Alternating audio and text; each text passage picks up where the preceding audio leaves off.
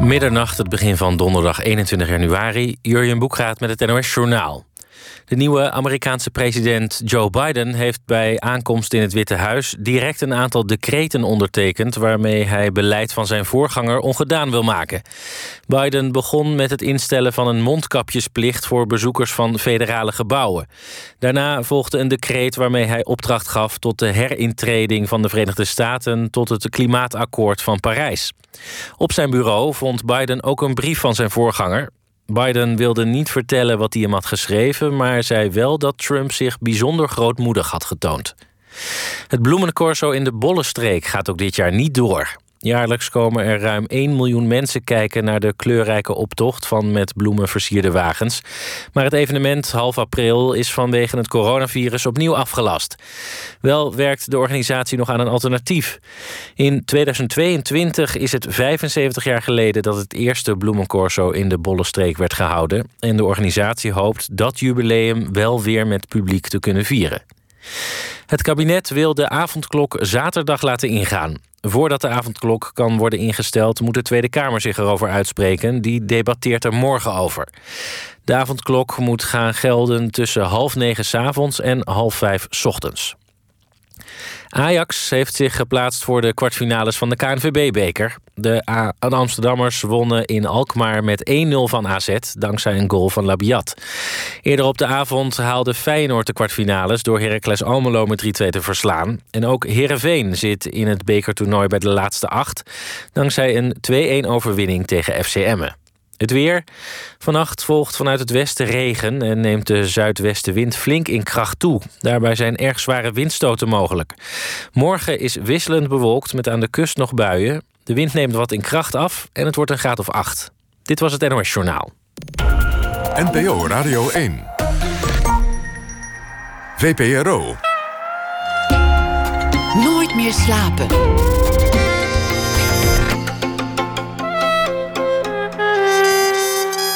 met Atze de Vriezen. Goedendag en welkom bij Nooit meer slapen. We zouden vanavond natuurlijk een uur lang kunnen praten over hermetische poëzie of over middeleeuwse schilderkunst. Want zoals u weet kunt u alles verwachten hier bij Nooit meer slapen. Maar laat er nou vandaag zo'n gebeurtenis zijn die alles overschaduwt op het wereldtoneel, namelijk het vertrek van Trump en de komst van Joe Biden. Mijn gast van vanavond heet Rob de Wijk, zelfverklaard zwartkijker, een realist zonder dat daar meteen een eh, bruin tintje aan zit en eigenlijk stiekem ook toch wel een beetje een optimist. Ja. Ook wel. Bovenal iemand die graag naar het uh, grote geheel kijkt. Hij schreef uh, boeken over het verval van de westerse maatschappij, over de opkomst van China. Binnenkort verschijnt er een boek over de nieuwe rol die Europa zichzelf kan toe-eigenen. De slag om Europa. En ondertussen host hij ook nog een van mijn favoriete podcasts, samen met uh, Arend-Jan Boekenstein, waarin hij elke week op zoek gaat naar de nieuwe wereldorde. En dan geeft hij ook nog eens leiding aan zijn eigen Den Haag Centrum voor Strategische Studies. En voor het gemak sla ik er nog maar een paar columns en een paar andere functies over. Welkom Rob, leuk dat je er bent. Ja, zeker.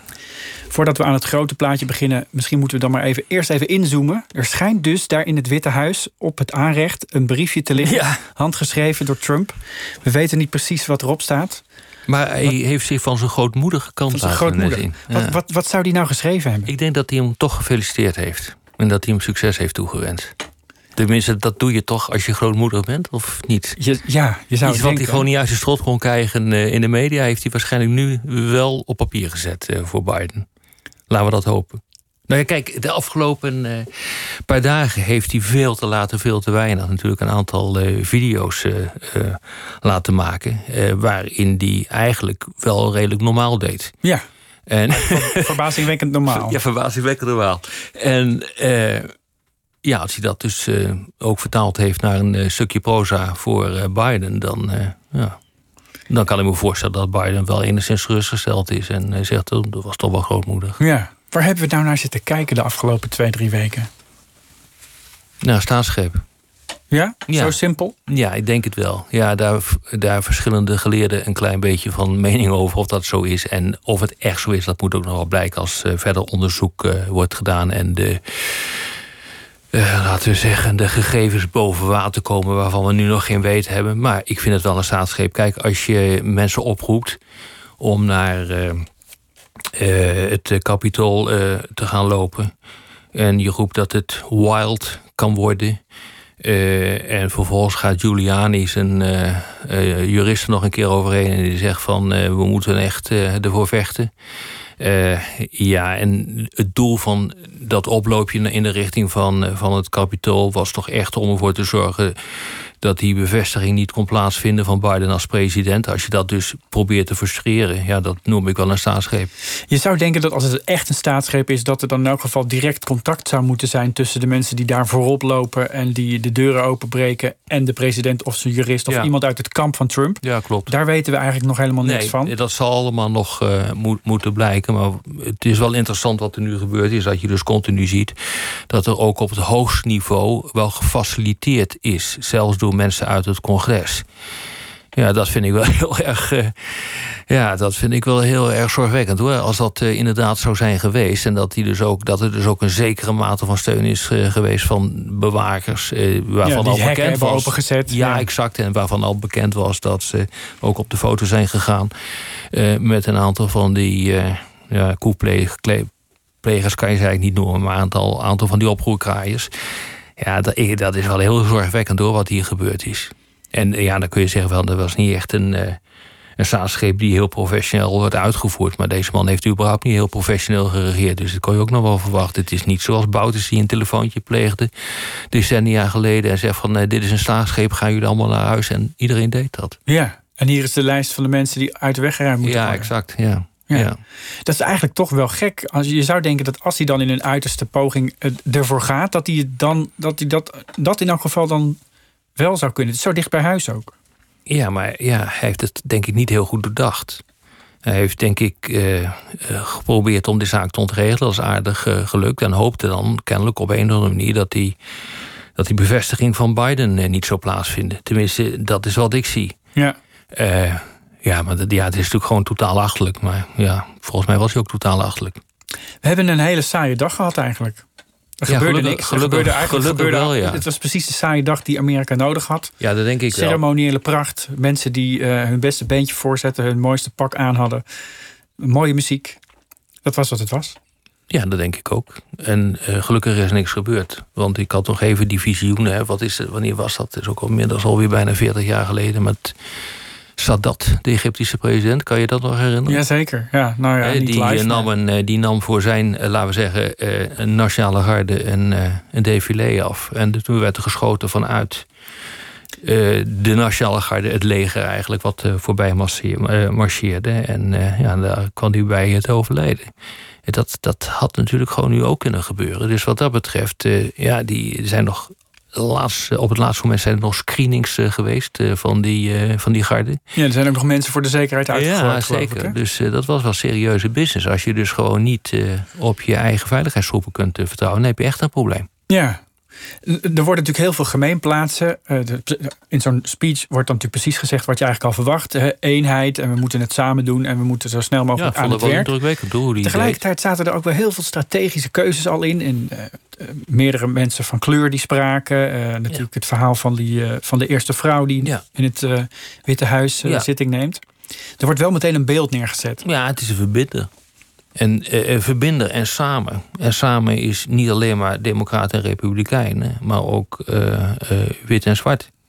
Eh, en mannen en vrouwen. Eh, verschillende bevolkingsgroepen, de Hispanics. Alles moet erbij worden betrokken. Of die daarin gaat slagen, dat weet ik niet. Maar het is, het, het is wel de president, vind ik, die Amerika nu nodig heeft. Er eh, wordt voortdurend geroepen, van, die man is oud. Eh, ja, dat zal wel. Maar ik vraag me af wie hem dit na kan doen op deze manier. Wie het gezag heeft om de boel toch enigszins bij elkaar eh, te krijgen. Zou het kunnen dat die, die, die ellende van twee weken geleden, waar het natuurlijk totaal uit de hand liep, eigenlijk in het voordeel van Biden werkt? Ja, dat denk ik wel. Eh, behalve als er nu een dynamiek op gang is gekomen waardoor het niet meer goed komt. Want er is echt wat gebeurd in dat land. Nou ja, dat merk je ook eh, toen Biden met die speech bezig is. waar hij eigenlijk bijna zei van er is zo ongeveer een oorlog gaande in het land. En dat is natuurlijk ook zo. Eh, ja, dus eh, Hij noemde het een uncivil war. ja, dat noemen wij dus gewoon een burgeroorlog. Ja, maar ja, ja. maar dat is het niet echt. Maar dat het een enorme clash is, dat is een ding dat zeker is. Ja, ik vind dat lastig hoor te, te, benoemen. Want het zou dus inderdaad heel goed kunnen zijn dat daar dus een, enorme veenbrand is. Die dus af en toe totaal opflikkert in, op, in, in, in steden. En dan krijg je dus ongehoorde shit. dat, dat kan bijna niet anders. Ik bedoel, dit, dit, nu Biden deze zalvende woorden heeft gesproken, betekent dat niet dat het automatisch goed wordt. Ik denk dat hij de eerste paar jaar gewoon echt bezig is om de boel onder controle te houden. Wat mij nou eigenlijk ook niet meest... goed voor ons trouwens. Hè? Nee, daar moeten we het zeker zo over hebben. Maar ik wil nog even bij die, bij die speech en ook bij de meerdere speeches die hij de afgelopen tijd gehouden heeft. Wat mij zo opvalt, is dat die Biden heel erg bovenop het, de, uh, uh, het leger zit. En bij elke speech eindigt hij met God Bless America, maar ook, ook even een zegen aan het leger. En mijn indruk is dat hij dat nog wat meer doet dan andere presidenten. Want dat is natuurlijk vrij gebruikelijk ook wel in Amerika. Maar hij, hij lijkt het nog meer te doen. En het eerste wat hij nu ook ging doen nadat hij beëdigd was, was niet naar het Witte Huis, maar naar een militaire begrafenis om daar zijn eer uh, te betonen. Is dat, is dat toeval? Nee, dat denk ik niet. Ik denk dat dat ook heel strategisch is. Uh, realiseer je dat uh, Trump erop gezinspeeld heeft dat hij het leger achter zich zou krijgen. dat is niet, ook als hij zou vertrekken? Ja, dat is niet gelukt. Ja, als je staatsgreep wil plegen, moet je dat dus doen. Uh, dus zeg maar, de, de voorzitter van de chef van staven, de hoogste militair, die heeft zich gedistanceerd van Trump. Toen die, die idioot uh, mars uh, hield in de richting van een kerk die tegenover het Witte Huis lag. Dus wanneer was dat? Anderhalf jaar geleden of zoiets. toen heeft hij gezegd ja, toen heeft hij eigenlijk geprobeerd om het leger mee te nemen. Dat is dus niet gelukt. En vervolgens heeft de, de baas van de krijgsmacht gezegd: van ja, maar dit is wat ik niet wil. En ik distancieer me hiervan. En dat ik erbij was, was fout.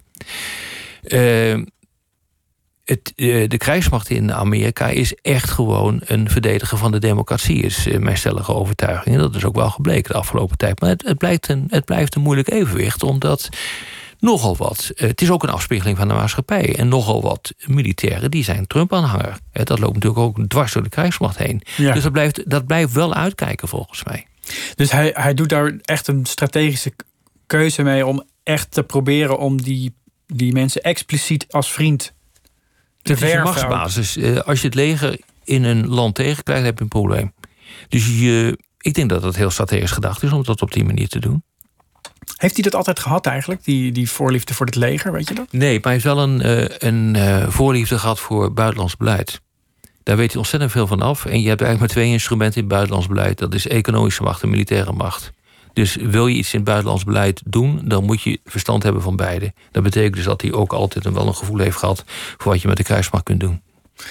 Heel veel mensen waren juist bang dat Trump iets met dat leger in het buitenland zou gaan doen. Dat hij een nieuwe oorlog zou starten ergens met, met, met Iran of met, met Noord-Korea. Uiteindelijk is hij zelfs een beetje gaan flirten met Noord-Korea. En dan, dat zou ook nog weer helemaal de verkeerde kant op kunnen gaan. Wat had, jij, had jij verwacht dat hij iets zou gaan doen? Nee, omdat hij gewoon altijd een totale afkeer heeft gehad. A, van buitenlands beleid en B, uh, van van geweld, van, van de inzet van, van de krijgsmacht, van de oorlogen. Daar heeft hij altijd een grote afkeer van gehad. Dat, eh, al voordat hij president was, was het duidelijk dat hij dat uh, niet wilde doen. Kijk, vaak worden uh, presidenten gedwongen tot militaire escapades. Omdat de belangen van Amerika in het geding zijn. Dus dan ga je erop af. maar de belangen die Trump aanhing, dat waren heel andere belangen. Hij wilde eigenlijk alleen maar een buitenlands beleid hebben dat ten dienste stond van zijn achterban. En dus begin je met sanctiepolitiek om ervoor te zorgen dat de banen die naar China zijn verdwenen weer terugkomen. Dus hij heeft een hele duidelijke klik met economische macht in het buitenlands beleid. Heeft trouwens een hand totaal overspeeld, maar dat is een hele andere zaak. is het zo? Want hij had vandaag een speech, of vanochtend kwam die, ik weet niet, gisteravond was hij er misschien al, dat weet ik niet. Dat was ook een soort afscheidsspeech waarin hij mhm. ging opsommen wat hij allemaal had bereikt. Mhm. En dat ging onder andere hierover. Hè. De economie ging beter dan ooit. The greatest economy we've ever seen. Ja, dat is trouwens al onder Obama begonnen. Ja. Maar goed, ik bedoel, ja, elke politicus, en dat was het uiteindelijk toch, trekt dat naar zich toe. Dus toch, ja. Ja, dat, ik bedoel, ik ben niet zo onder de indruk van dat soort, uh, van dat soort verhaal. Maar waar, waar heeft hij zijn hand mee overspeeld? Waar, waar ging hij te Met ver? de sanctiepolitiek. Hij heeft daar eh, de bondgenoten, wij dus, Europeanen, heeft hij totaal van zich vervreemd. Want uh, hij is natuurlijk gewoon toch gezellig en ook een handelsoorlog tegen ons, laten we zeggen de Europese Unie, uh, begonnen. Ja, dat is niet verstandig. Hij heeft zich totaal van ons vervreemd. En dat is iets wat niet makkelijk meer te repareren is. Ook niet als er een nieuw persoon komt die de deur openzet? Nee, omdat Biden te veel problemen intern heeft. Hij zal echt gewoon heel veel van zijn aandacht uh, moeten, moeten richten op de interne situatie in de Verenigde Staten. En realiseer dat de afgelopen jaren eigenlijk Trump de deur open heeft gezet, ook hier in Europa, voor China. En dat heeft gewoon te maken met het feit dat je verwacht van een supermacht, en dat is de Verenigde Staten, dat hij China zal terugduwen en dat met bondgenoten doet. Nou, dat heeft hij niet gedaan. Dus hij heeft eigenlijk alleen maar zijn aandacht gericht als Amerika op China. En voor de rest is het hem, zou het hem worst wezen wat daar gebeurd is. Dus hij is in een situatie gekomen waarin eh, eigenlijk China overal in de wereld zijn macht kon uitbreiden omdat eh, Amerika afwezig is, was. Nou, dat is voor Biden is dat heel erg lastig om dat terug te krijgen. Die geestjes uit de fles, die krijg je niet meer terug. En dat is versneld, zeg maar, door die coronacrisis. Ik wil toch even terug nog naar die mhm. militaire macht. Want die is in, het, in de vorige eeuw was dat natuurlijk de ja, toch eigenlijk het belangrijkste wapen, letterlijk en figuurlijk, dat Amerika had om, om uh, de baas te zijn in de hele wereld. Dat ging natuurlijk lang niet altijd goed. Soms was het één grote puinhoop en toch bleef Amerika dat doen. Hoe, hoe, zie, hoe zie jij nu die positie van Amerika? Want ze zijn nog steeds oppermachtig. Nou, dat zijn ze niet, want militaire macht is steeds minder bruikbaar geworden. Uh, de, anekdote, ik was denk ik nou, ruim een anderhalf jaar geleden was ik eh, op Hawaii. Ben uitgenodigd door uh, de opperbevelhebber van de Pacific Fleet. Dus dat is een hele grote jongen is dat. En de discussie waarvoor ik was uitgenodigd ging over de vraag... kunnen wij, de, wij kunnen de Zuid-Chinese zee niet meer in. Als het oorlog is met China, komen wij de Zuid-Chinese zee niet meer in. En terwijl dat heel erg belangrijk is voor Amerika, want er lopen de handelsroutes doorheen. Het wordt geclaimd, dat gebied, door, eh, door China. En, het, ja, en die, uh, die, die Chinezen, die hebben nu de militaire macht om gewoon de Amerikanen eruit te, uh, uit te houden. Dus wij, er is geen antwoord gegeven op die vraag wat we zouden moeten doen. wat op zich wel opmerkelijk is. Dus Amerika weet het ook niet hoe ze daarmee om moeten, uh, moeten gaan. Ze hopen alleen maar dat als ze erin zitten in de Zuid-Chinese Zee, dat uh, dat afschrikwekkend genoeg is voor de Chinezen. Omdat als, laten we zeggen, een carrier, een vliegkampschip, uh, wordt, wordt aangepakt, ja, dan kan er best een, een kernwapenoorlog ontstaan. Dat, dat, dat wil niemand. Maar om even aan te geven, en datzelfde fenomeen zie je nu in Europa gebeuren. Militaire macht wordt steeds onbruikbaarder. Het is, je gaat terug naar de oude afschrikking van tijdens de Koude Oorlog. Dus je hebt militaire macht en je, het succes wordt afgemeten door hem niet te gebruiken. Ja. Dat is dus. Dat, dat is essentieel anders dan wat we de afgelopen decennia na het eind van de Koude Oorlog hebben eh, gezien. Dus dat betekent automatisch dat je een verschuiving krijgt naar economische macht, naar, naar sancties en dat soort uh, dingen. Nou, dat is precies wat we zien. En dat is ook allemaal wel voorspeld hoe dat het ging, uh, dat het ging gebeuren. Ja, precies. En de, maar dat, dat, dan heb je eigenlijk dat leger dus misschien nog wel meer nodig om in je eigen land de vijand ja, om af te schrikken. Om ervoor te zorgen dat, er, uh, dat de pleuris niet uitbreekt. Want als de pleuris uitbreekt, kan het escaleren naar een kernwapenoorlog. En dat is wat je niet wil. Dus je houdt je gedijst. Dat is eigenlijk precies de situatie die we ook hadden tijdens, uh, tijdens de Koude Oorlog. Ja, jij roept eigenlijk al heel lang dat die Trump eigenlijk gewoon een soort halve mafioos is. En dat, het, ja, dat hij niet deugt. En dat, hij, eh, dat, hij, dat hij knettergek is. Mhm. Er zijn heel veel mensen die dat nog steeds niet zo zien. En ik persoonlijk dacht ik van ja, nou nu met die, die oproep om naar het kapitool te gaan. De mensen die dat dan vervolgens gaan doen en die de deuren openbreken. Ja, dat, ja, dat mij lijkt mij het definitieve bewijs dat die man niet deugt. Ja. En toch, ik zat van de week naar die podcast van de New York Times te luisteren. Die mensen gingen interviewen die nog steeds vinden dat eigenlijk daar wel wat voor te zeggen was voor die uh, inval in het kapitool. En dat er nog steeds, die nog steeds geloven in, in die fraude. Ja die grootscheepse fraude die, die Trump claimt. Nou ja, als je het maar honderdduizend keer zegt, dan beginnen mensen dat te geloven. Maar dat is, dat, is, dat is echt een gigantisch probleem, toch? Ja, maar ik vind ook een gigantisch probleem dat een aanzienlijk deel van de bevolking in de Verenigde Staten, maar ook hier in Europa, gelooft in complottheorieën en fake news. Dat vind ik echt een gigantisch probleem. Je ziet dat het een van de grootste bedreigingen is voor onze democratie.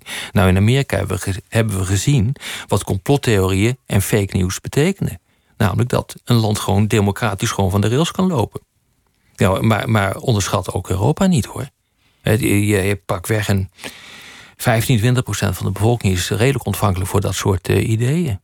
En, en als ik gewoon kijk naar wat er in Amerika is gebeurd, hè, vlak na die, die toestand rond het congres, wat duidelijk dat pakweg de helft van de Republikeinse eh, partij, de stemmers op de Republikeinse partij, dat op een of andere manier toch wel oké vond dat dat gebeurd is. Nou, dat betekent dus ook inderdaad, het komt aardig overeen met de algemene cijfers, dat pakweg een 20, 25 procent van de Amerikaanse bevolking dit wel oké vindt, eh, niet geïnteresseerd is echt in democratie. Uh, bereid is om de wapens op te pakken. En ook nog een keer bereid is om naar die soort complottheorieën en fake news te luisteren. Het is natuurlijk uitgegroeid tot het probleem van het, met name het afgelopen jaar, toen die coronacrisis eroverheen kwam, ook in, in Nederland. Ja. En de vraag is natuurlijk, hoe ga je nou om met informatie? En jij bent iemand die altijd uh, heel veel informatie tot zich neemt en processed tot iets mhm. wat uh, eigenlijk een vrij zelfverzekerde mening over het algemeen is. Nou ja, het is niet zozeer een mening. Je probeert de feiten op een rij te zetten. Nou ja, analyse. Analyse, is, een mening is inderdaad. Mijn uh, columns zijn ook niet echt de traditionele columns, maar zijn veel meer mini-analysetjes met een conclusie eraan. Daar, dat, een beetje gezellig die, die correctie op mijn vraag is eigenlijk al een deel van het antwoord, denk ik. Hè? Ja, dat denk ik ook. Ja. Ja, wat je doen, eh, de podcast die ik uh, met Anja Boekenstein maak, daar doen we hetzelfde in. Eigenlijk, we zijn het ook bijna altijd met elkaar eens. Het tart elke wetmatigheid van radio. Je moet altijd een discussie hebben, je moet het niet met elkaar eens zijn. En, maar zijn we wel. We zijn het door de, door de bank genomen en wel met elkaar eens. En het interessante daarvan is, is dat er dus kennelijk een enorme behoefte is bij mensen. Gewoon aan duiding. Want dat is eigenlijk wat er gebeurt. Maar ja, ze zijn even vet up hoor, met al die discussies. Er is nog, ja, dat is misschien wel waar. Er, zit, er is nog wel een factor die, die het heel mhm. aantrekkelijk maakt, die podcast. En dat, dat is dat jullie enorm veel lachen. Ja. Het is een heel doemdenkerige podcast. Ja, natuurlijk. de, running de derde wereldoorlog moet ook altijd uitbreken. Precies. als, er, als er niet een derde wereldoorlog dan zijn de mensen gewoon, dat, Ja, dan zijn de mensen ook bijna beledigd als dat niet uh, voorspeld wordt. Maar dan moet, dan moet toch die gulle lach moet erin zitten. Ja. Maar dat kan dus kennelijk wel. Natuurlijk kan je dat, uh, kan je dat doen. En dat, dat heeft wel te maken, denk ik, met. Nou, ten eerste kunnen we met z'n drieën. We maken die podcast ook met, uh, ja, ja, met, uh, met Hugo Rijtsma maken we die, uh, die podcast. die, het is ook gewoon hartstikke leuk om te maken. We, we genieten er ook van. De sfeer is fantastisch. En ja, weet je, dan krijg je dat gewoon. Maar en, en, en, neem het, ja, weet dan wil je, ik toch het vak iets inzoomen op het vak. Want je doet dit al heel lang op allerlei mogelijke manieren. Je schrijft boeken, je maakt columns, uh, je, je, je, je doet Ja, ik ben begonnen bij de VPRO. Ja. In, een, in een zeer diep grijs verleden in de vorige eeuw. Hoe werkt dit nou, dat je op zo'n niveau kunt analyseren? Op, als je kijkt naar bijvoorbeeld... De, laten we de situatie waar we het nu over hebben... Uh, die situatie rond Trump en wat er gebeurde in het Capitool. Wat voor bronnen vertrouw jij? Nee, ik vertrouw A op uh, mijn theoretische inzichten. Dat, dat klinkt wel abstract. Maar ik, ik ben wetenschap, ik ben hoogleraar. Ik, uh, ik, ik, heb een instituut opgericht uh, wat analyses doet. Uh, je moet een grote theoretische kennis hebben om te kunnen begrijpen. En dat klinkt wat vaag en abstract, maar om de dynamiek van een ontwikkeling te kunnen begrijpen. Dus je, je moet begrijpen wat er gebeurt in theoretische zin. Als je dat doet, en dat doe ik ook in mijn columns, maar dat doe ik ook bij, eh, bij het programma Boeken zijn in de wijk. En in mijn boeken, dan kun je gaan duiden. Dan, kun je een, eh, dan ben je in staat om een gebeurtenis, zoals bijvoorbeeld wat er gebeurd is met Trump, eh, om die te gaan duiden. Dan zie je patronen. Dan kun je snappen wat er eerder is gebeurd en dan kun je van toepassing verklaren op zo'n gebeurtenis. je kunt vrij goed verklaren, bijvoorbeeld, waarom de meeste militaire interventies mislukten. Mislukken. Ik, ik zie nu al, als er iemand weer eens een keer uh, het idee heeft om ergens met militaire macht naartoe te gaan, dan zie ik eigenlijk vrij snel al dat dat fout gaat en waarom. En je ziet ook dat het soms wel goed gaat. En soms zie je dat het goed gaat. En ik heb daar een keer een boek over geschreven. Uh, dat zou ik je niet aanraden om dat uh, te lezen. Dat is uh, in Amerika verschenen. En in, in Nederland zijn er een paar mensen die dat boek hebben gelezen. Maar daar heb ik gewoon de wetmatigheden opgeschreven. en aan de, als je die wetmatigheden, dat zijn de drie, ik zal ze niet uitgelegd, maar als je die pakt, die wetmatigheden, dan kun je redelijk goed, laten we zeggen, uitleggen waarom iets gaat lukken of iets gaat mislukken. Maar dan heb je een geval Trump en die tart alle wetmatigheden. Hij tart alle, tart alle tradities. Ja, en hij doet maar- dingen maar- die onlogisch zijn. Hij, hij liegt. Ja, maar je weet dus ook vervolgens wat er gaat gebeuren. Eh, als zo'n man eh, zich alleen maar gaat richten op China, want dat is voor mij het allerbelangrijkste. Ja. Hij richt zich alleen maar op China. Dan weet je gewoon wat er gebeurt in de rest van de wereld. Dan weet je gewoon wat de Europese Unie gaat doen. Dan weet je wat dat voor gevolgen heeft voor de integratie in Europa. Die hij weer op moet lossen in zijn eigen. Ja, maar dat gaat hem dus tuintje. niet lukken. Dus hij, hij is bezig om zijn eigen graf eh, te graven. Dus ik ben heel. Kijk, eh, wat de meeste columnisten doen, die kijken dan op die idioot die daar zit te schreeuwen en die er allerlei flauwekul zit te, voor- eh, eh, zit te, zit te verkondigen. En dan is de conclusie van, nou, nou, die vent is gek. En jongen, jongen, jongen, wat is het toch wat? het Maar wordt je- ook een beetje, het moet ook niet mogen. Dat hij wat hij doet. Ja, want het is, vaak heel moreel wat er gedaan wordt. ja. Maar ik heb daar nou, niet zoveel last van. van. eh, Ik bedoel, ik heb wel morele overtuigingen, maar in dat soort analyses niet.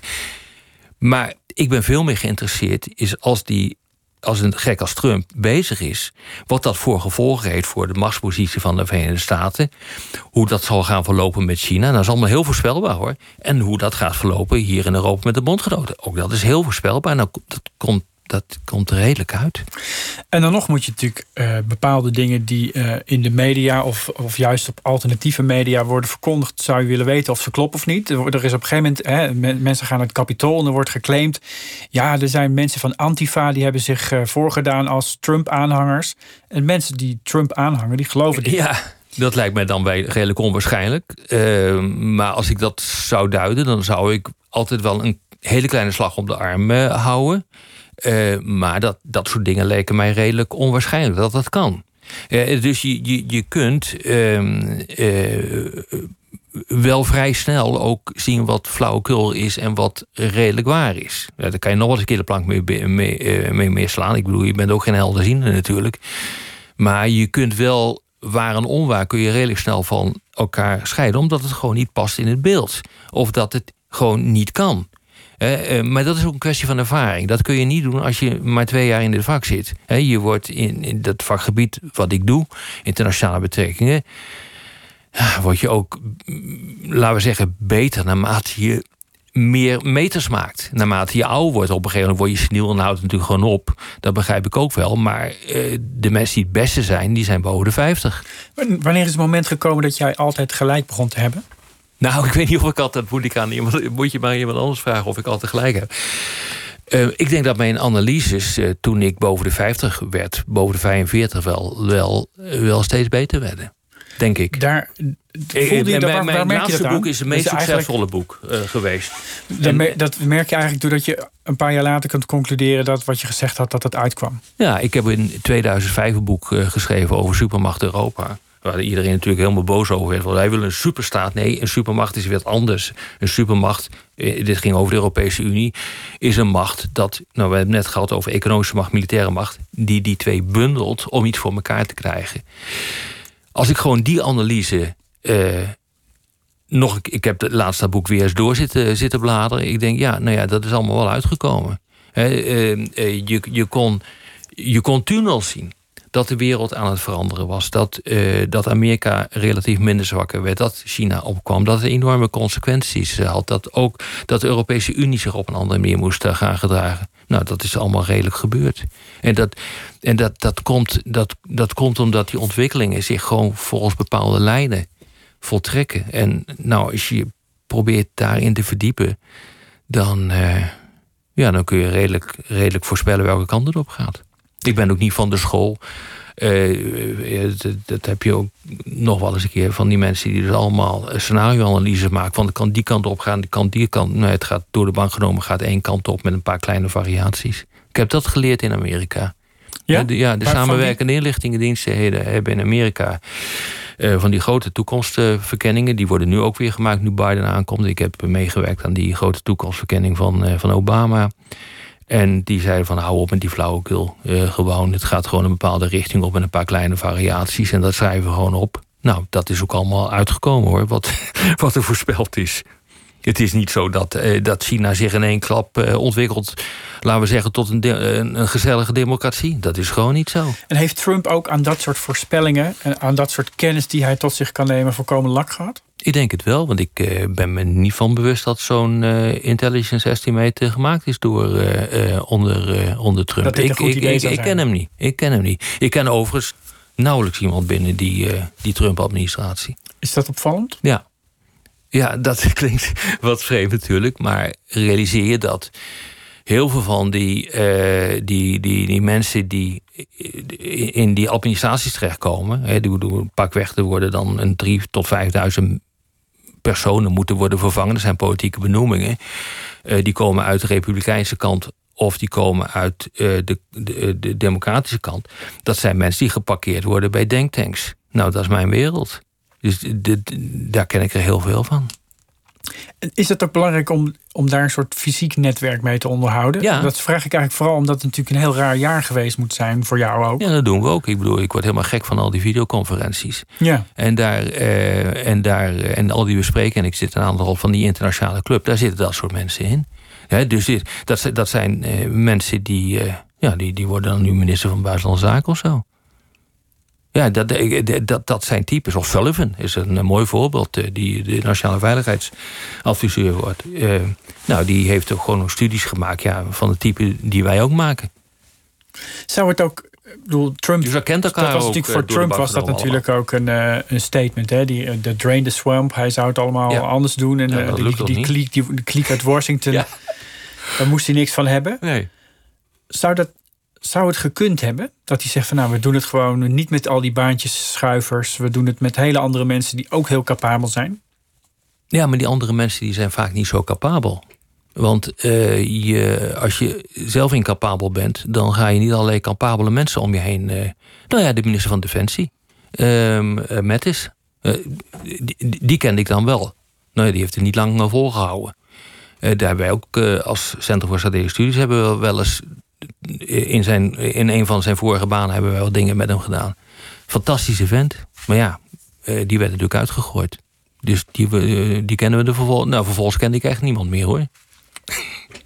Toen was het over, ja. Ja, toen was het al over. Je, je, je zegt van ja, na, na een jaar of 40, 45, 50 ongeveer, eh, Ja. dan, dan ben je rijp genoeg om die analyses op geopolitiek gebied te doen. Dan, dan heb je het door. Dan, heb je, dan, heb Nou ja, dan snap je wat de dynamiek is. Dan snap je hoe de dynamiek hazen loopt. lopen. Ja.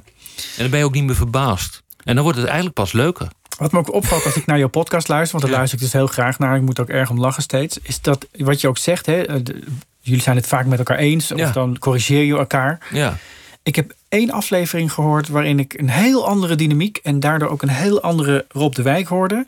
En dat was toen je een heel jong iemand te gast Ja. had, Talita Muse, Ja. die ondernemer is en die ehm, heel veel Klopt. tafel zit, ook Daar in de coronacrisis. Nee, dat- nee, toen ik was was ook niet blij van Toen mezelf. was je ineens heel onaangenaam. Ja, klopt. En dat heeft gewoon te maken. Ja, ik kan niet zo goed tegen gelul. Dat is eigenlijk wel wat daar gebeurde. En eh, ik bedoel, ik, vond, ik heb lang met haar gesproken, maar het, het, zij had iets van. eh, de wereld zit zo in elkaar. eh, jullie zijn oud. eh, ik weet hoe dat eh, in elkaar steekt. Nee, mens, eh, zo werkt het echt niet hoor. En ik, ik, had me toen, denk ik, ja, misschien wel wat, wat aardig moeten opstellen. Maar, dat- ik ga nou wel dat- voor de inhoud. Maar dat geeft wel een probleem natuurlijk. Hè? Want als je nu kijkt naar Brexit, als je kijkt naar de verkiezing van Trump, dan zie je in de analyses dat daar veel oudere mensen op gestemd hebben. Ja. Jongere mensen worden dus niet goed gerepresenteerd. Nee, En jij zegt van ja, dat is eigenlijk ook wel eh, terecht, want ze snappen het eigenlijk nog nee niet. dat is niet wat ik zeg. Maar ik wil, wel graag, nee, ik wil wel graag het debat hebben met zo'n eh, met zo'n jong iemand. Kijk, ik ben hoogleraar, dus ik, ik, in mijn college komen alleen maar jongere mensen. Eh, bij, bij, eh, bij mij op het instituut zijn de meeste jong. Maar ja, maar soms klikt het niet. Nou, hier klikt het niet zo. Maar ik vind het hartstikke leuk om het met jonge mensen daarover te discussiëren. En om die eens mee te geven. Want Anders zou ik ook niet, eh, niet zoveel moeite doen. En, en niet zoveel tijd stoppen in, in, die, in die jongeren. Maar zo af en toe heb je iemand.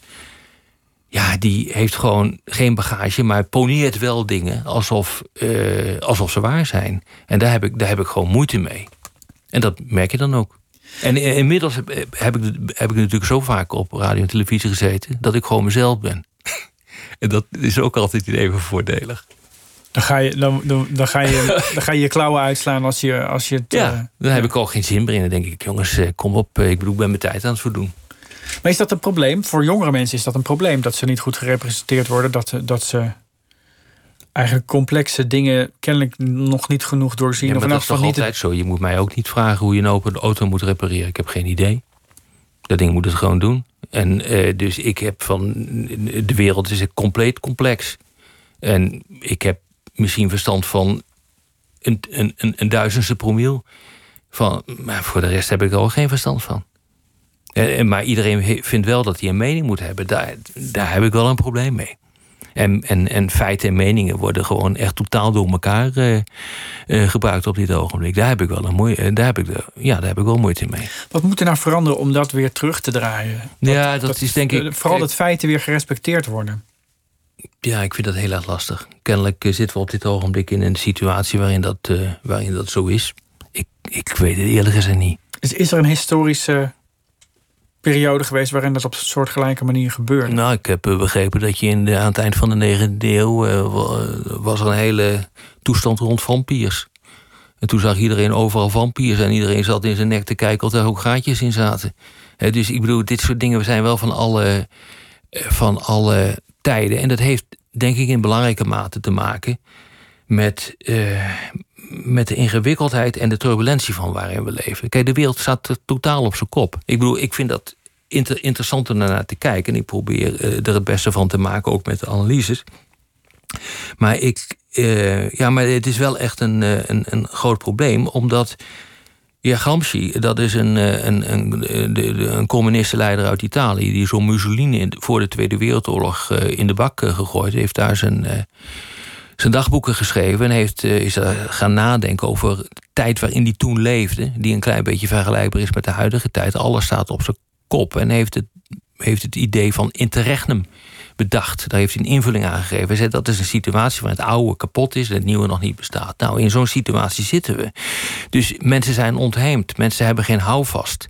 Ja, dan moet je niet gek opkijken dat, uh, dat het verschil tussen feiten en meningen gaat uh, verschuiven. En dat je een situatie uh, krijgt waarin, waarin ook complotdenkers een grote mate van invloed kunnen gaan krijgen.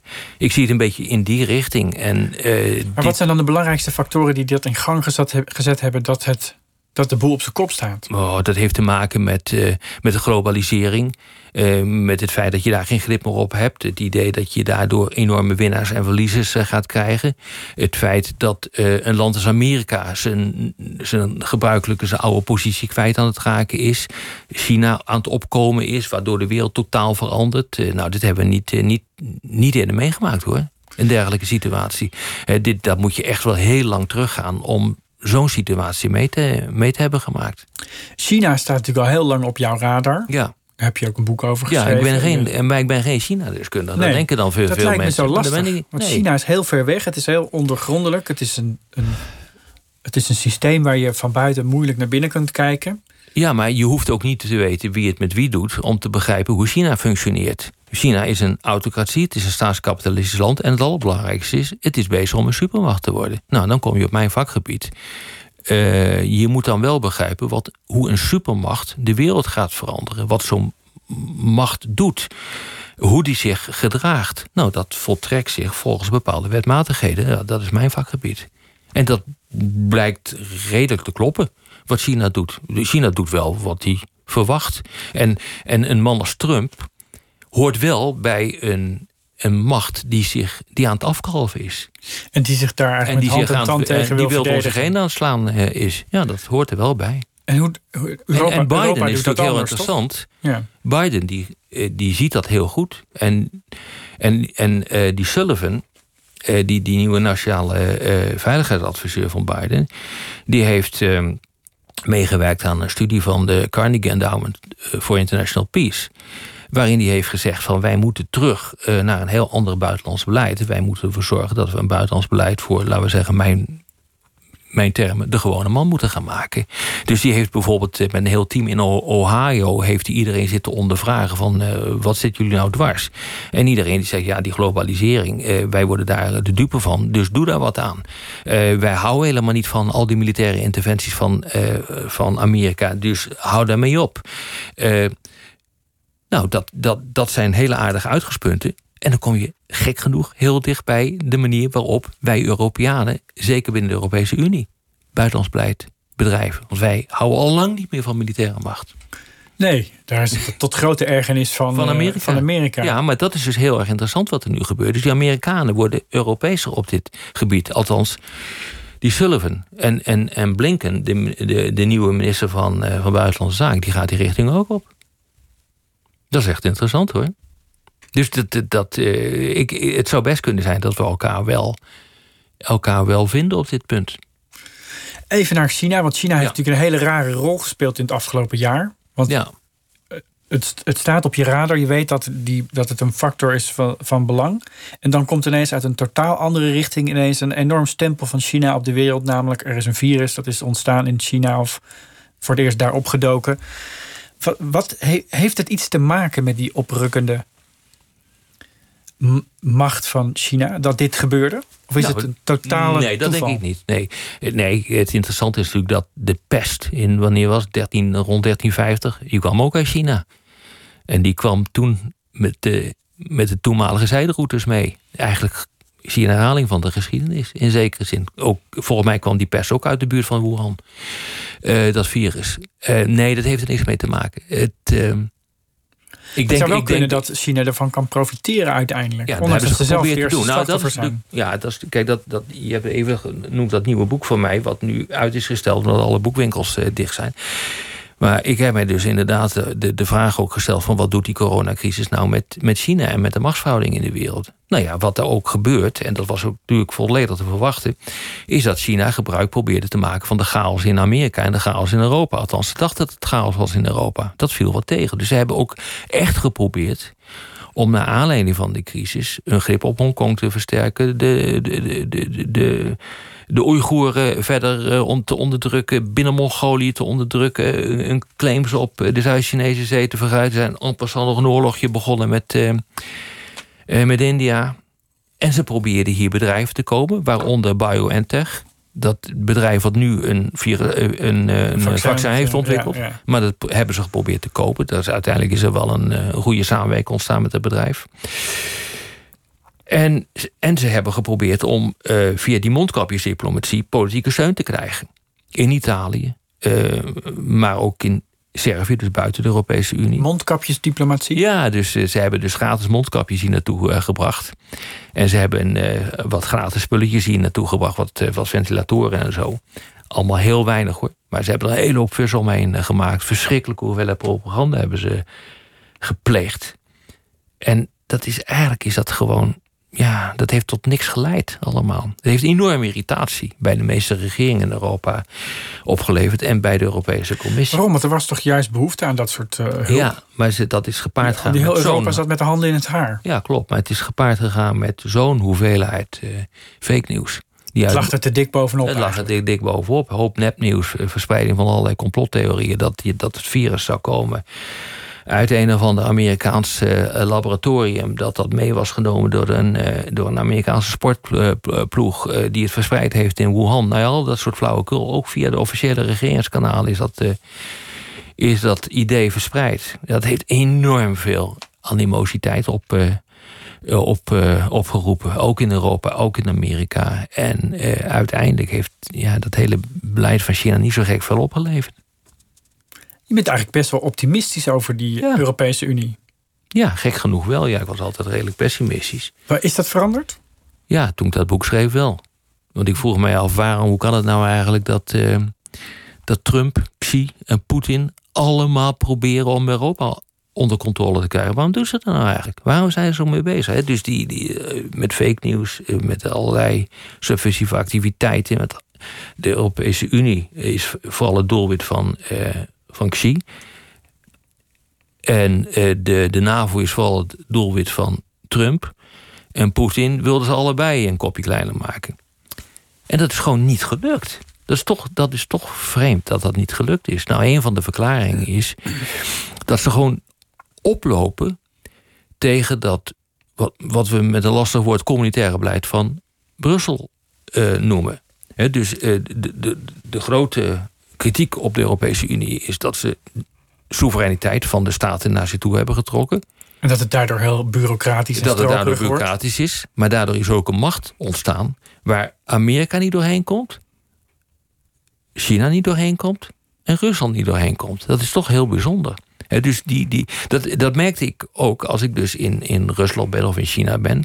Daar wordt nooit over Europa, NAVO, EU met uh, ja, ja, eigenlijk wordt, wordt er nooit slecht over gesproken. Daar wordt altijd met een zekere serieus genomen. afgunst over gesproken. Want dat is toch een grote machtsfactor. Ik heb dat vorig jaar nog meegemaakt eh, tijdens die 70-jarige eh, verjaardag van, eh, van China. Toen was ik in, eh, in, eh, in Shanghai.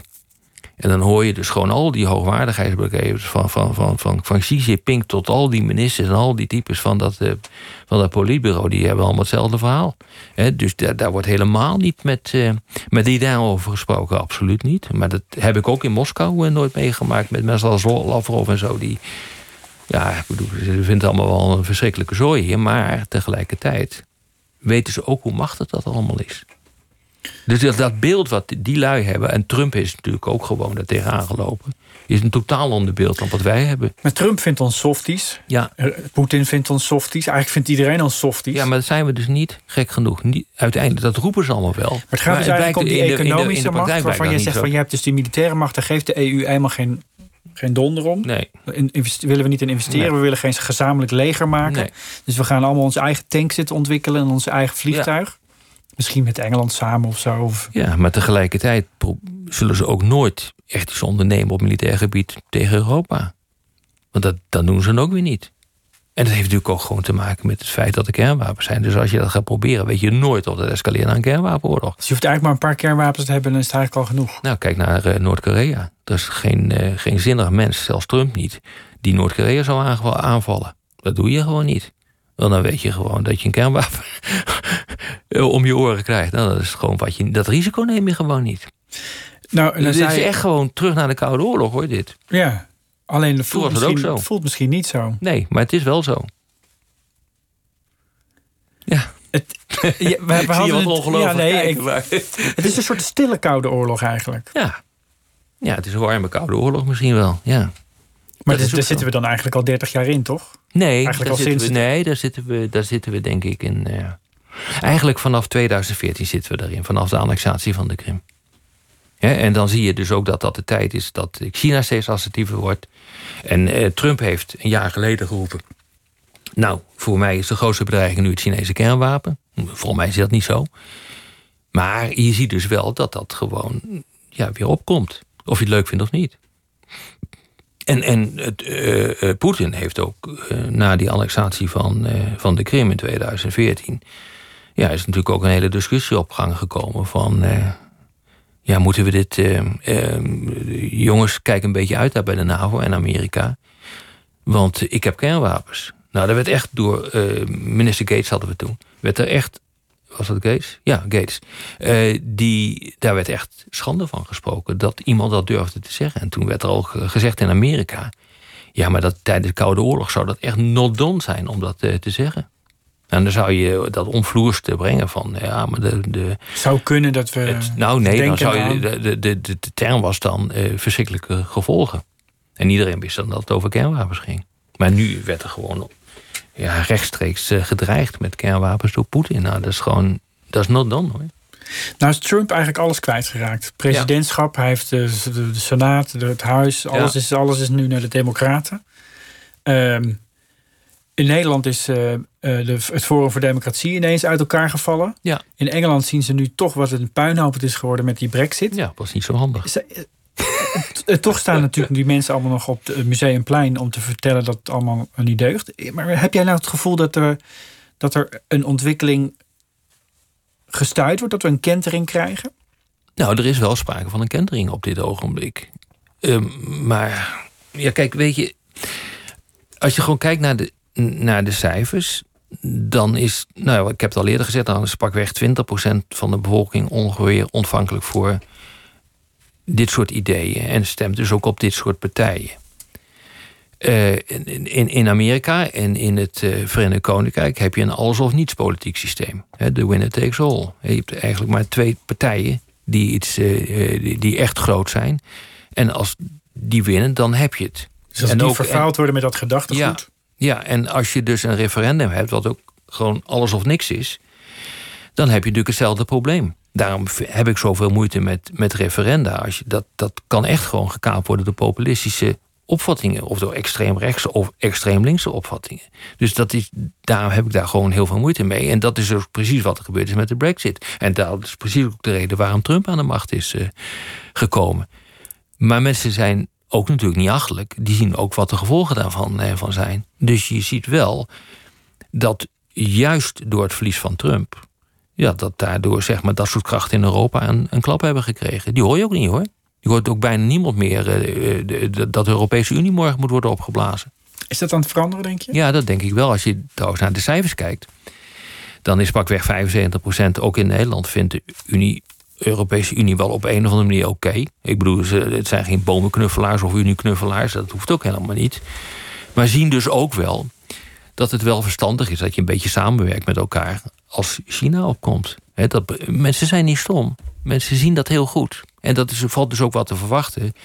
Dat je, eh, dat je, eh, dat je dus een, een, een, toch wat meer een omarming krijgt van de Europese Unie. Wat kan nou Nederland nou doen? We kunnen iedere keer ons vingertje wel op, eh, op, uh, ophouden, uh, opsteken. Om te zeggen van jongen, jongens, maar zo kan het niet meer. En China bekijkt het een beetje met, bekijk een beetje uit met die mensenrechten. En Nederland die gaat voor de laatste keer. doen we wel toch? Daar houden we wel van. Ja, wel, dat doen we wel, maar dat slaat natuurlijk nergens op. Dat kun je alleen maar doen. Behalve in Qatar, want daar moet gevoetbald worden. Dan ja, nee, maar ja, ja, maar dan moet je toch gewoon. Dan moet je, als je echt wat wil doen, moet je het gezamenlijk doen. Als je echt markttoegang wil hebben tot China, ja, dan moet je dat de Europese Unie laten doen. Anders kan dat niet. Dan word je gewoon totaal van de markt gespeeld uh, als, als Nederland. Nou ja, en er is net een investeringspact afgesloten door de Europese Unie. Ik denk dat dat een redelijke stap vooruit is. Waardoor je dus echt een gelijk speelveld krijgt. Waardoor je ook een normale markttoegang uh, krijgt van Europese bedrijven in, uh, in China. Ja, dat Nederland kan dat toch gewoon nooit afdwingen. Ik bedoel, ze zien ons al komen, ze lachen zich een bult. Die mensen die nou op het Museumplein stonden, hè, zijn Ja. dat nou dezelfde mensen die het kapitool bestormden? Dat is een goede vraag. Ik denk, het is in ieder geval wel van dezelfde mentaliteit. Ja, dat denk ik wel, ja. Hoe kun je dat analyseren van zo? Nou, door te kijken of die mensen ontvankelijk zijn voor complottheorieën, waar ze in het politieke spectrum zitten, waar ze wel en waar ze niet in geloven. Dat kun je wel redelijk analyseren. Er is natuurlijk ook, er zijn ook wel vrij veel boeken over geschreven hoor. En oh, ik heb dat, niet, dat onderzoek niet gedaan naar eh, die types op het eh, museumplein, maar het zou me niet verbazen. Want je, bent je bent natuurlijk, jij bent aan het kijken naar systemen. Hè? Ja. Je kijkt naar strategieën van Ja. regeringsleiders. En als je dit doet, dan, dan moet die ander waarschijnlijk heeft maar twee opties. Ja.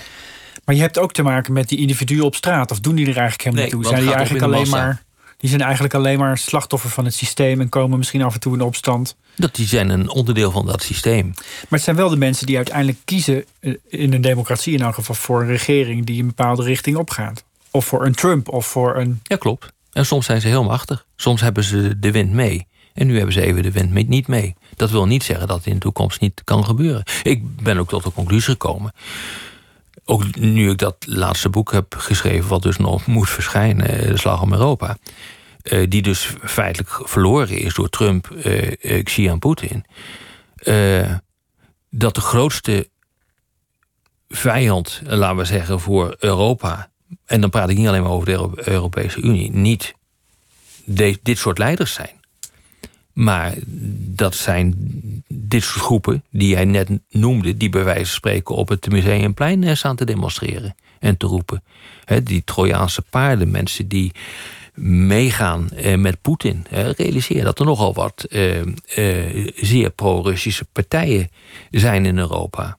Ehm, en die dus ook bereid zijn om achter de boodschap van Poetin aan eh, te, te lopen. En die dus helemaal niet democratisch zijn, maar die dat eh, best wel oké vinden, zo'n sterke man, die dat eigenlijk ook wel eh, zouden willen. Dat zijn er nogal wat in, in Europa. Ik denk dat dat een grotere bedreiging is Uh, net er wordt ook heel jaloers naar China gekeken... dat natuurlijk inderdaad die coronacrisis zo mooi netjes oplost... door gewoon hele steden op slot te doen. Ik zou zeggen, het nou, nodig Orbanus uit de, de, de premier van, uh, Hongarije. van Hongarije. Dat is natuurlijk zo een. Die zegt, ja, de mooiste sterren die, flink, uh, die flonkeren boven Beijing. En dat wil ik ook wel, zo'n staatskapitalistisch systeem als een autocratie. Maar moet je eens kijken hoe goed ze dat doen. Ja, dat, dat, dat, die, die mensen heb je. Is dat een eenling of zou je. Nou ja, je hebt ze ook in. Of is, het, is het zo dat langzaam dat systeem van die nieuwe supermacht geëxporteerd wordt naar. Want dat is natuurlijk waar men ja. van oudsher heel erg bang mee geweest is. Eh, met name in Amerika toen met in de Koude Oorlog. Hè, dat het communisme geëxporteerd zou worden. De, de Russen omgekeerd. Ja. Dat is natuurlijk niet, niet, ondenkbaar. Nee, en die mensen zijn er ook gewoon. En die, zijn, die bestaan ook in Nederland. Uh, Thierry Boudet is natuurlijk zo eentje die, uh, ja, die vindt dat ook wel mooi. En dat, dat doet hij ook niet moeilijk over hoor. Maar ja, het is toch wel, ik ben toch wel benieuwd wat die coronacrisis. Want je zei net aan het begin van die, die coronacrisis, die heeft allerlei dingen versneld. versneld. Zijn er ook dingen die, echt, die je echt verrast hebben?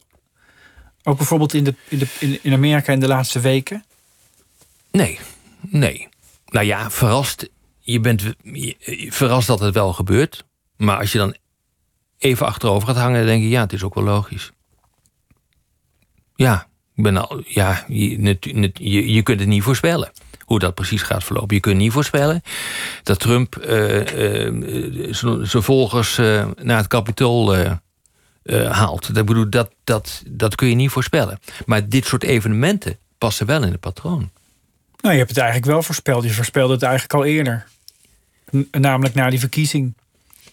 Je, ja, maar niet je zei toen van ja. ja, nee, dat, dat wel. Maar, in algemene termen. Maar je kunt niet zeggen van twee weken voordat uh, uh, dat hij zou aftreden, maar dat hij zou hangen aan de, aan de macht. Dat hij zou proberen het democratisch proces te ontregelen. Dat hij zou proberen om toch aan de macht te blijven. Ik, uh, een van de scenario's die ik heb gegeven, was dat hij misschien wel aanstuurt op een soort staat van beleg. Waar die via noodverordeningen zou kunnen gaan regeren. Ik bedoel, dat soort dingen is allemaal mogelijk geweest. Dat, zover is niet gekomen. Maar het zou me niet verbazen als dat ook achter die hele gang naar het congres zat. Het zou me niet verbazen. Ik zat vandaag naar CNN te kijken en daar heerste een gevoel van. Ja, een soort zalvend gevoel. Hè? De democratie was toch gered. We zijn getest, op de proef gesteld en we hebben gewonnen. Nou, dat moet allemaal nog wel blijken. Gaat die Biden een succesvolle president worden? Ja, ik mag het hopen. In ieder geval, wat heel goed is, dat het denk ik een, een, president voor één termijn is. Ja? Dus hij heeft, dat hij eigenlijk te oud is? Nou ja, zie jij hem eh, tot dik in de tachtig doorgaan? Weet ik niet. Nou, is Mensen worden steeds ouder, toch? Ja, ja, dan wordt het een soort Afrikaanse president. Die gaan ook tot de negentigste door. Maar dat is niet hun beste tijd volgens mij. Eh, dus ik snap überhaupt ook niet dat je dat voor elkaar krijgt. Ik bedoel, het, het geeft wel moed als iemand op, dit, eh, op die leeftijd nog zo voor de dag kan komen. Nee, ik denk dat hij één termijn doet. En dus hij heeft wat dat betreft, kan hij ook gewoon doorpakken. Hij hoeft niet, en dat zou heel goed zijn hoor, dat hij niet hoeft te denken aan zijn herverkiezing. Dat zou echt uh, geweldig zijn als hij dat gewoon niet doet. Maar probeert echt de boel te lijmen. Probeert echt uh, Amerika bij elkaar uh, te harken. probeert om naar een ander buitenlands beleid te, te komen. Dat zou wel fantastisch zijn.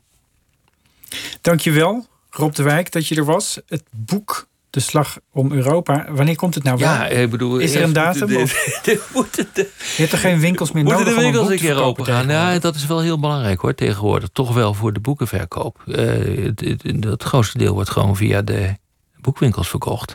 Ik denk dat het pas, uh, pas eind maart wordt of zo op deze manier. En uh, ja, in ieder geval, we hebben, het is ook nog niet gedrukt. Voor. Het is nog niet gedrukt. Dus als er nog een, uh, iets verschrikkelijks gebeurt in de wereld, dan kan ik dat er nog wel even infietsen op een of andere manier. Kun je het nog updaten? Ja, ja dat kan. Ja, dat kan. Ik, tegenwoordig zijn die productietermijnen zo kort dat je gewoon zo lang, zo, lang mogelijk zo'n boek op de plank laat, uh, laat liggen. En dan kan je op het laatste moment kan je er nog wel in uh, zetten. Dus ik, de. de de, de, de vermeende staatsgreep, die, zou er, die, die komt er ook nog wel in. Maar die moet erin, toch? Ja, dat ga ik ook doen. Ja. Dat wil ik eigenlijk morgen nog even gaan doen. nou, laten we hopen dat er vanavond niks meer gebeurt daar in Amerika. Dan kun je gewoon uh, morgen schrijven en dan is het allemaal klaar. Ja. Goed, dankjewel dat je hier was. Graag gedaan. Um, dit programma is ook achteraf als podcast te beluisteren. Morgen dan is Pieter van der Wielen hier met fotograaf Harmen Mijnsma buitenbeentjes hebben een pro- prominente rol in zijn foto's. Een nieuw werk van Mijnsma is te zien op Youthquake, een groepstentoonstelling in Kunsthal Rotterdam. En nu hier nog op deze zender Miss Podcast met als gast Leo Driesen. Een hele goede nacht.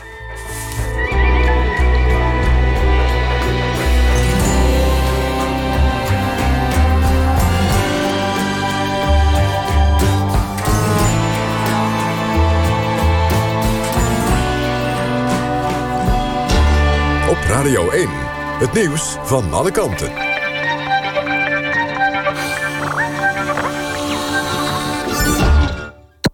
NPO Radio 1.